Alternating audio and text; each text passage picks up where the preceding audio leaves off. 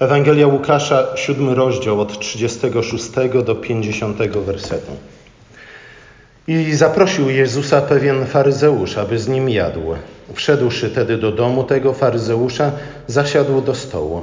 A oto pewna kobieta z tego miasta, grzesznica, dowiedziawszy się, że zasiada przy stole w domu faryzeusza, przyniosła alabastrowy słoik oleju i stanąwszy z tyłu u jego nóg, zapłakała i zaczęła łzami zlewać nogi jego i włosami głowy swojej wycierać, a całując jego stopy, namaszczała je olejkiem. Ujrzawszy to faryzeusz, który go zaprosił, mówił sam w sobie – Gdyby ten był prorokiem, wiedziałby, kim i jaka jest ta kobieta, która go dotyka, bo to grzesznica. Na to Jezus rzekł do niego: Szymonie, mam ci coś do powiedzenia. A ten mówi: Powiedz, nauczycielu. Pewien wierzyciel miał dwóch dłużników. Jeden był dłużny pięćset denarów, a drugi pięćdziesiąt.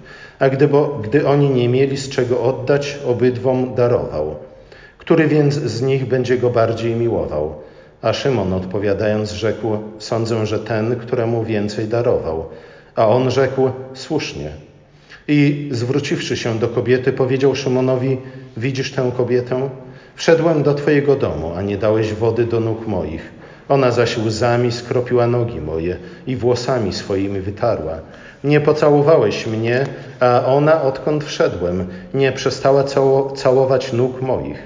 Głowy mojej oliwą nie namaściłeś, ona zaś olejkiem namaściła nogi moje.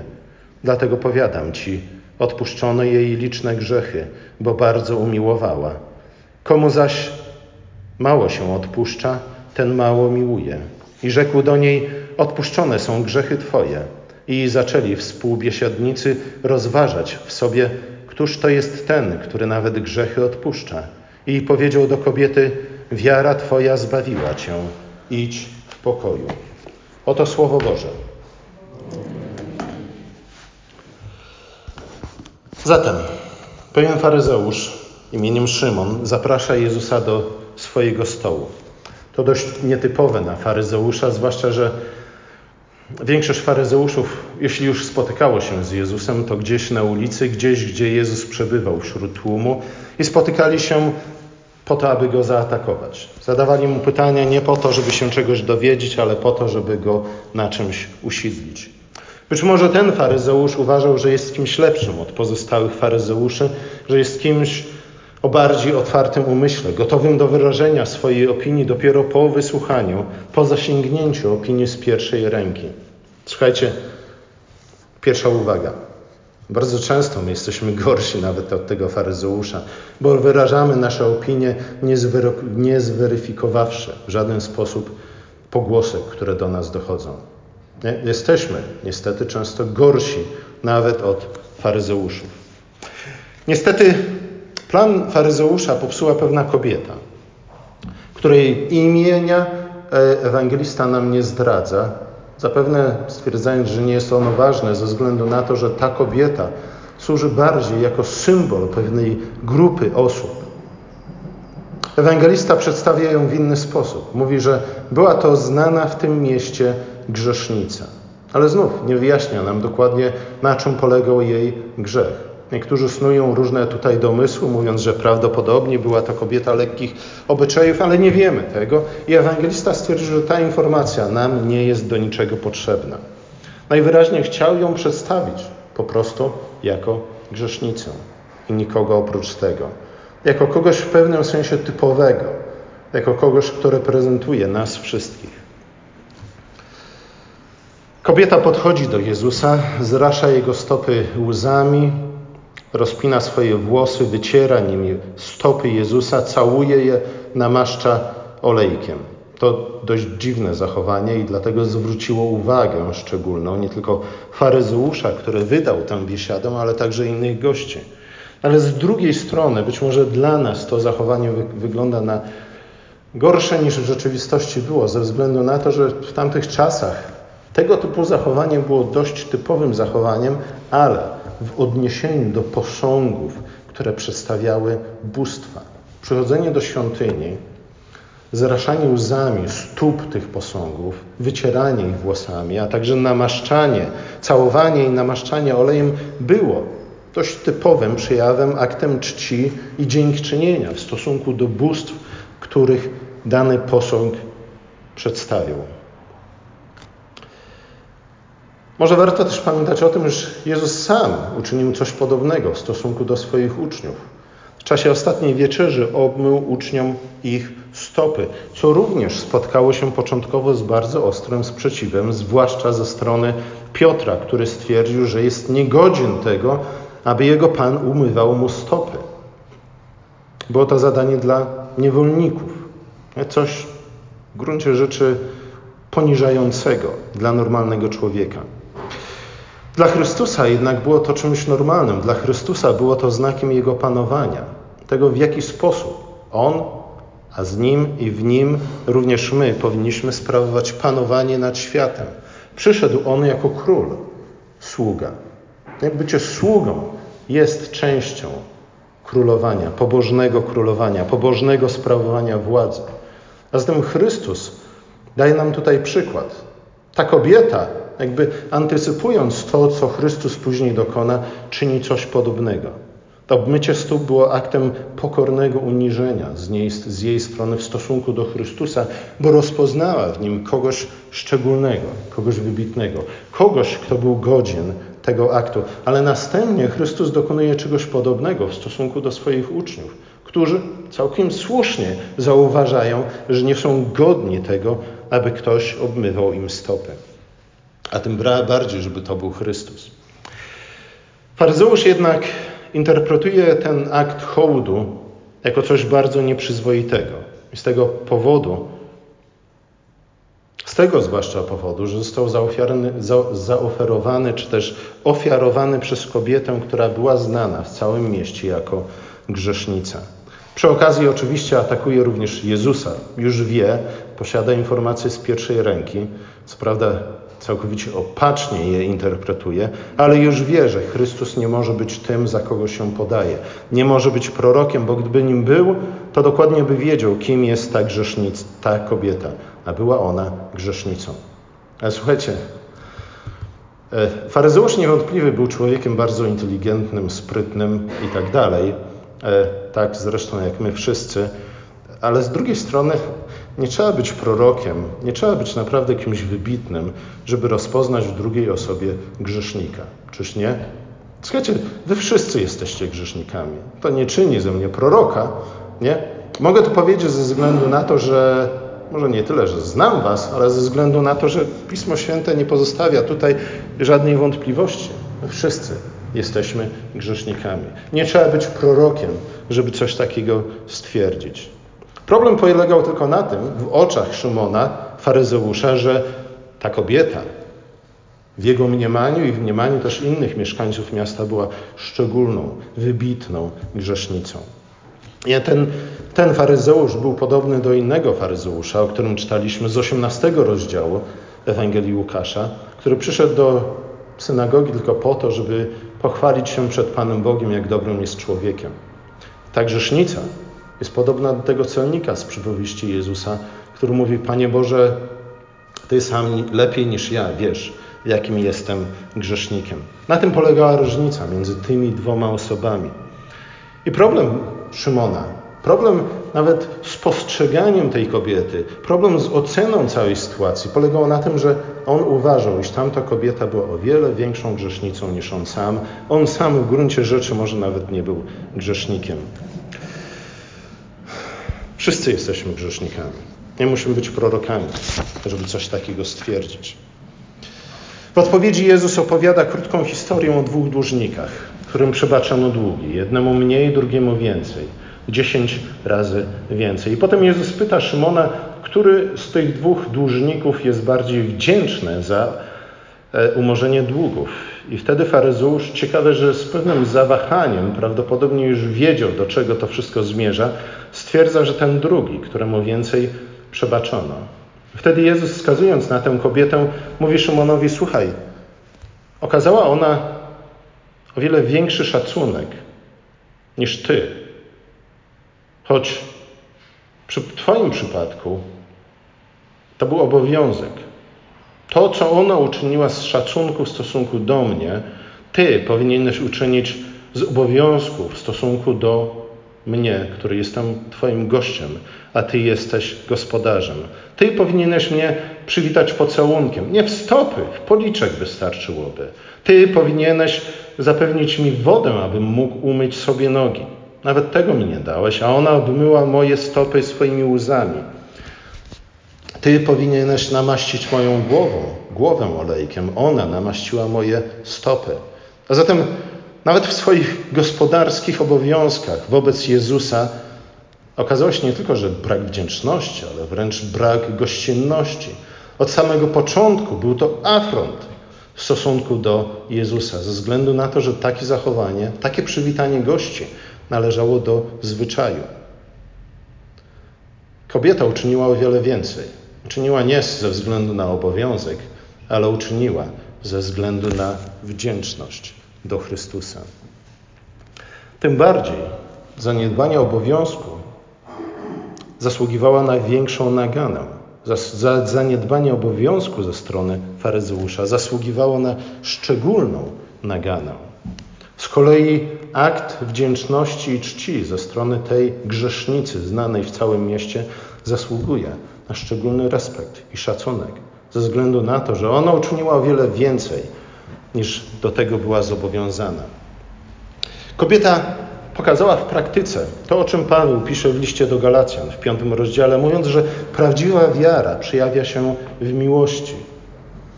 Faryzeusz, który był gospodarzem, który miał obowiązek okazać pewne względy w stosunku do swoich gości, zaniedbał obowiązek swój. Tym bardziej jest winny. Ona z kolei przeszła tę dodatkową milę wraz z Chrystusem. Ona okazała o wiele większą wdzięczność niż było to jej obowiązkiem. Postawa Szymona zatem pokazuje w gruncie rzeczy, że brak wiary prowadzi do zaniedbania podstawowych obowiązków w stosunku do bliźniego. słuchajcie, jeśli chcemy się przekonać, na ile mocna jest nasza wiara, to może nie doszukujmy się jakichś szczególnych aktów miłości, do których z rzadka niestety jesteśmy zdolni, ale może zastanówmy się, w jaki sposób odnosimy się do naszych bliźnich. Czy, czy okazujemy ten, im to minimum szacunku jako bliźnim, do którego jesteśmy zobowiązani jako ich bliźni, a zwłaszcza jako chrześcijanie. Jeśli traktujemy innych ludzi pogardą, jeśli patrzymy na nich z góry, jesteśmy, jeśli jesteśmy szybcy w dokonywaniu wszelkiego rodzaju osądu i ocen, to być może problemem jest nasza słaba albo wręcz zła wiara. Ze względu na to, że wiara przejawia się oczywiście w idealnych warunkach, w miłości, ale wiara powinna przejawiać się przynajmniej jako minimum w okazywaniu tego minimalnego szacunku wobec siebie nawzajem, które polega między innymi na tym, co uczynił Szymon, a przynajmniej co zamierzał uczynić Szymon faryzeusz, dlaczego my często nie czynimy, nie? Dajemy posłuch na przykład plotkom i powtarzamy je potem, wzmacniamy, przeinaczamy, zamiast pójść przynajmniej dokonać podstawowej weryfikacji tego, co usłyszeliśmy. Nie bądźmy Szymonami, a z drugiej strony bądźmy przynajmniej chociaż Szymonami. Koniec końców, Szymon okazał się być człowiekiem zakłamanym. Dlaczego był zakłamanym? Ponieważ sądził, że jest człowiekiem wielce pobożnym, niemalże nie grzeszy, a jeśli grzeszy, to popełnia jakieś drobne, niewiele znaczące grzechy, a jednak okazał brak podstawowego, fundamentalnego szacunku wobec swojego gościa, wobec bliźniego. I w tej historii czyni, go kimś, czyni to jego kimś o wiele gorszym niż ta grzesznica znana w całym mieście. Dla niego do tego między innymi prowadzi brak wyznawania grzechów. Słuchajcie, to jest właśnie ten, ta rzecz, na, którą, na której powinniśmy skupić naszą uwagę dzisiaj, na co wskazują pozostałe czytania z dzisiejszej niedzieli. Brak wyznawania grzechów, swoich własnych grzechów, jest naszym podstawowym problemem. Ze względu na to, że ten brak wyznawania własnych grzechów prowadzi nas do kolejnych grzechów. Wyznawanie grzechów jest podstawowym aktem i warunkiem zaprowadzenia jakiejkolwiek równowagi i porządku we własnym życiu. Ze względu na to, że jeśli nie wyznajemy naszych grzechów, to słuchajcie, odrzucamy podstawową, fundamentalną, najważniejszą prawdę na temat nas samych, że jesteśmy grzesznikami. I potrzebujemy w związku z tym łaski Bożej, potrzebujemy nawrócenia i to niejednokrotnego, ale stałego nawracania się, odwracania się od grzechu i zwracania się do Boga. Ale słuchajcie, jeśli my nie jesteśmy gotowi, nie jesteśmy w stanie mówić prawdę sami sobie, o samych sobie, to znaczy, że żyjemy w kłamstwie. I w związku z tym żyjemy w świecie fantazji, w świecie ułudy. I w związku z tym wszelkie inne nasze osądy, wszelkie inne nasze oceny są fałszywe, są błędne. Jeśli patrzymy sami na siebie poprzez różowe okulary, to patrzymy na wszystkich innych ludzi wokół nas poprzez widzimy ich, postrzegamy ich w krzywym zwierciadle. To jest jak automat. Jeśli uważamy, jeśli jesteśmy kimś w rodzaju Szymona faryzeusza, albo wręcz nawet tego drugiego faryzeusza z przypowieści Jezusa, który stając przed Panem Bogiem nie ma mu nic innego do powiedzenia, tylko to, jak dobrym jest i pobożnym człowiekiem, żyjemy w kłamstwie. I w związku z tym wszystko, co mówimy, jest naznaczone kłamstwem. Wszelkie nasze osądy naszych bliźnich są naznaczone kłamstwem, są oszczerstwem, są złamaniem jednego z przykazań dekalogu. A przecież Chrystus mówi, że tylko prawda jest w stanie dać nam wolność. Tylko prawda jest w stanie nas oswobodzić. Musimy żyć w prawdzie, jeśli chcemy cieszyć się dobrym życiem, jeśli chcemy być dobrymi bliźnimi, jeśli chcemy być normalnymi, przynajmniej tak, jak to powinno być od samego początku, ludźmi.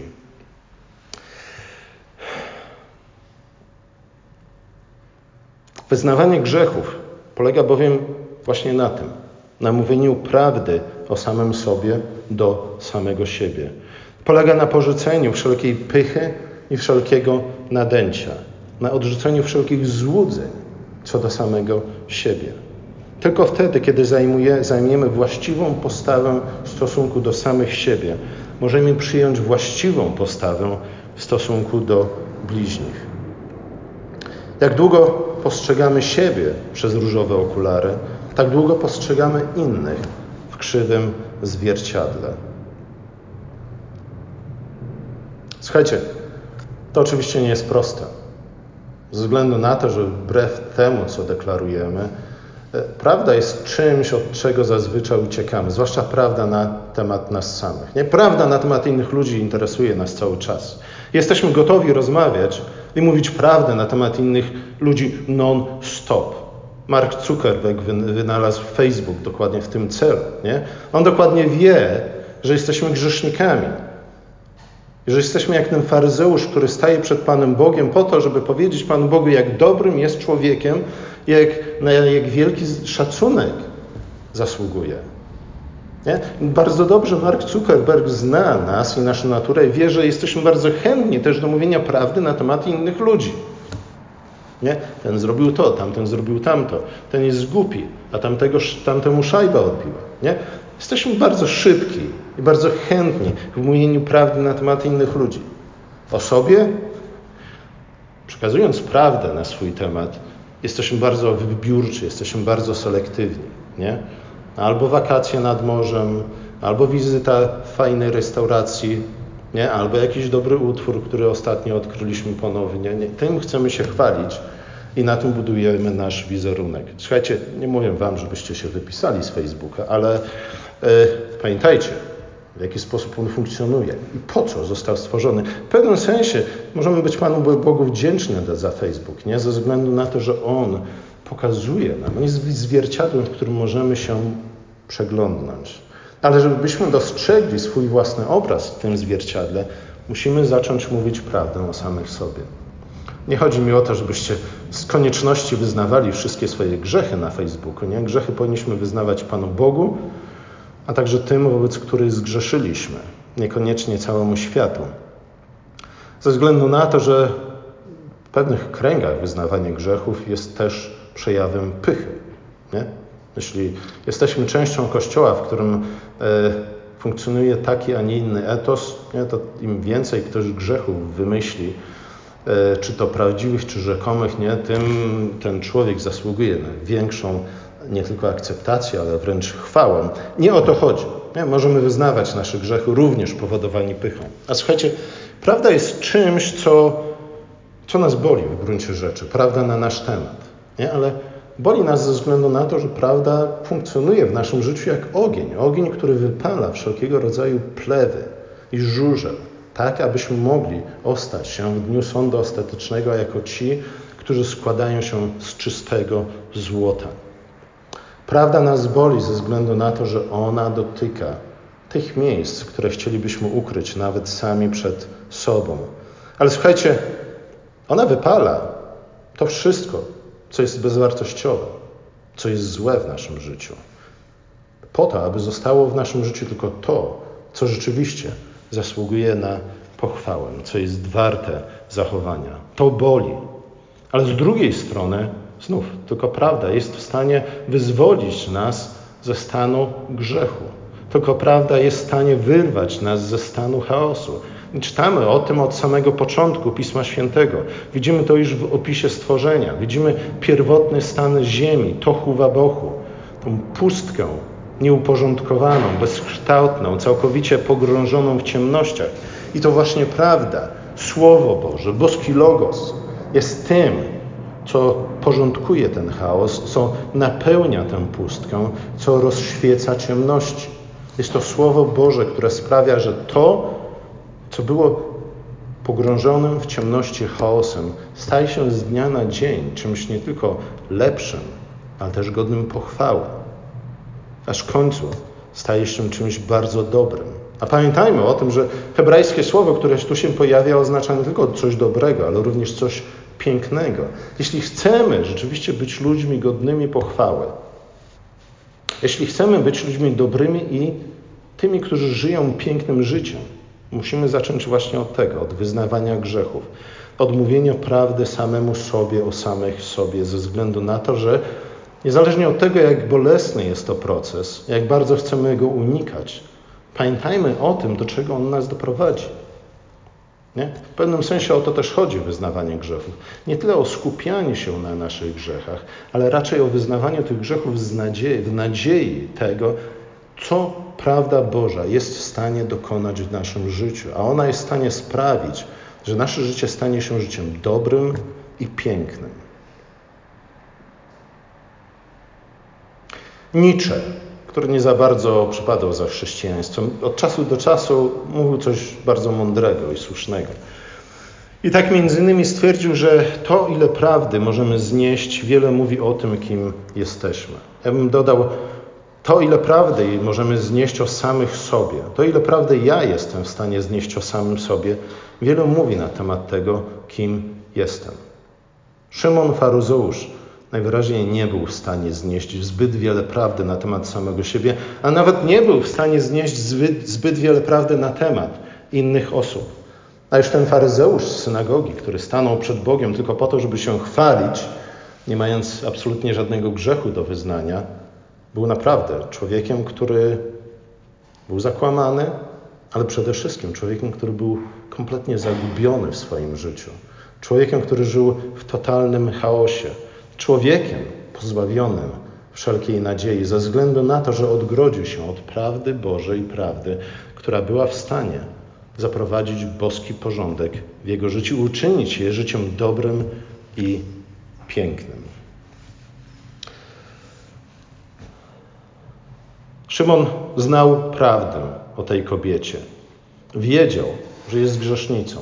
Wszyscy wiedzieli. Ale słuchajcie, ta prawda w żaden absolutnie sposób mu nie pomogła. W niczym mu nie pomogła. W pierwszej kolejności zatem szukajmy nie takiej prawdy, nie tyle prawdy o innych ludziach, nie tyle prawdy o tym, kto siedzi obok mnie tutaj na krześle, nie, nie prawdy o tym, który żyje po drugiej stronie ściany czy płotu, nie tym, który stoi przy tym samym e, stole w warsztacie co ja, ale szukajmy przede wszystkim prawdy na temat samych siebie, bo tylko to jest początkiem drogi ku dobremu i pięknemu życiu. I na koniec, słuchajcie, niedługo rozpoczniemy nowy cykl katechez, katechez na temat tego, dlaczego nasze nabożeństwo wygląda tak, a nie inaczej. Słuchajcie, to jest jedna z fundamentalnych prawd, które odnajdujemy w rytmie naszego nabożeństwa. Nie? Że wszystko musi się zacząć od wyznania grzechu. Dlatego, kiedy tu przychodzimy w odpowiedzi na wezwanie Boże, pierwszą rzeczą, którą czynimy, to wyznajemy nasze grzechy. Ze względu na to, że tylko wyznawszy nasze grzechy, jesteśmy w stanie przyjąć inną prawdę, prawdę, którą słyszymy w słowie, które jest czytane, prawdę, która dochodzi do nas w wykładzie słowa. Tylko w ten sposób jesteśmy w stanie przyjąć mądrość, którą Bóg nam daje. I tylko w ten sposób, zaczynając od wyznawania grzechów, od mówieniu prawdy samym sobie, o samych siebie, sobie, jesteśmy w stanie zakończyć tę pielgrzymkę, którą jest nasze nabożeństwo przy stole pańskim i przyjąć tak jak ta grzesznica znana w całym mieście, z wdzięcznością i z czcią dobre dary Boże z tego stołu, życie zmartwychwstałego Chrystusa. Ale jeśli zaczniemy to wszystko w innym porządku, albo jeśli w ogóle pominiemy wyznawanie grzechów, nie będziemy gotowi ani na przyjęcie prawdy, która jest w Bożym Słowie, prawdy, która jest źródłem prawdziwej mądrości, ani nie przyjmiemy życia zmartwychwstałego Chrystusa, które spożywamy w chlebie i w winie. Amen.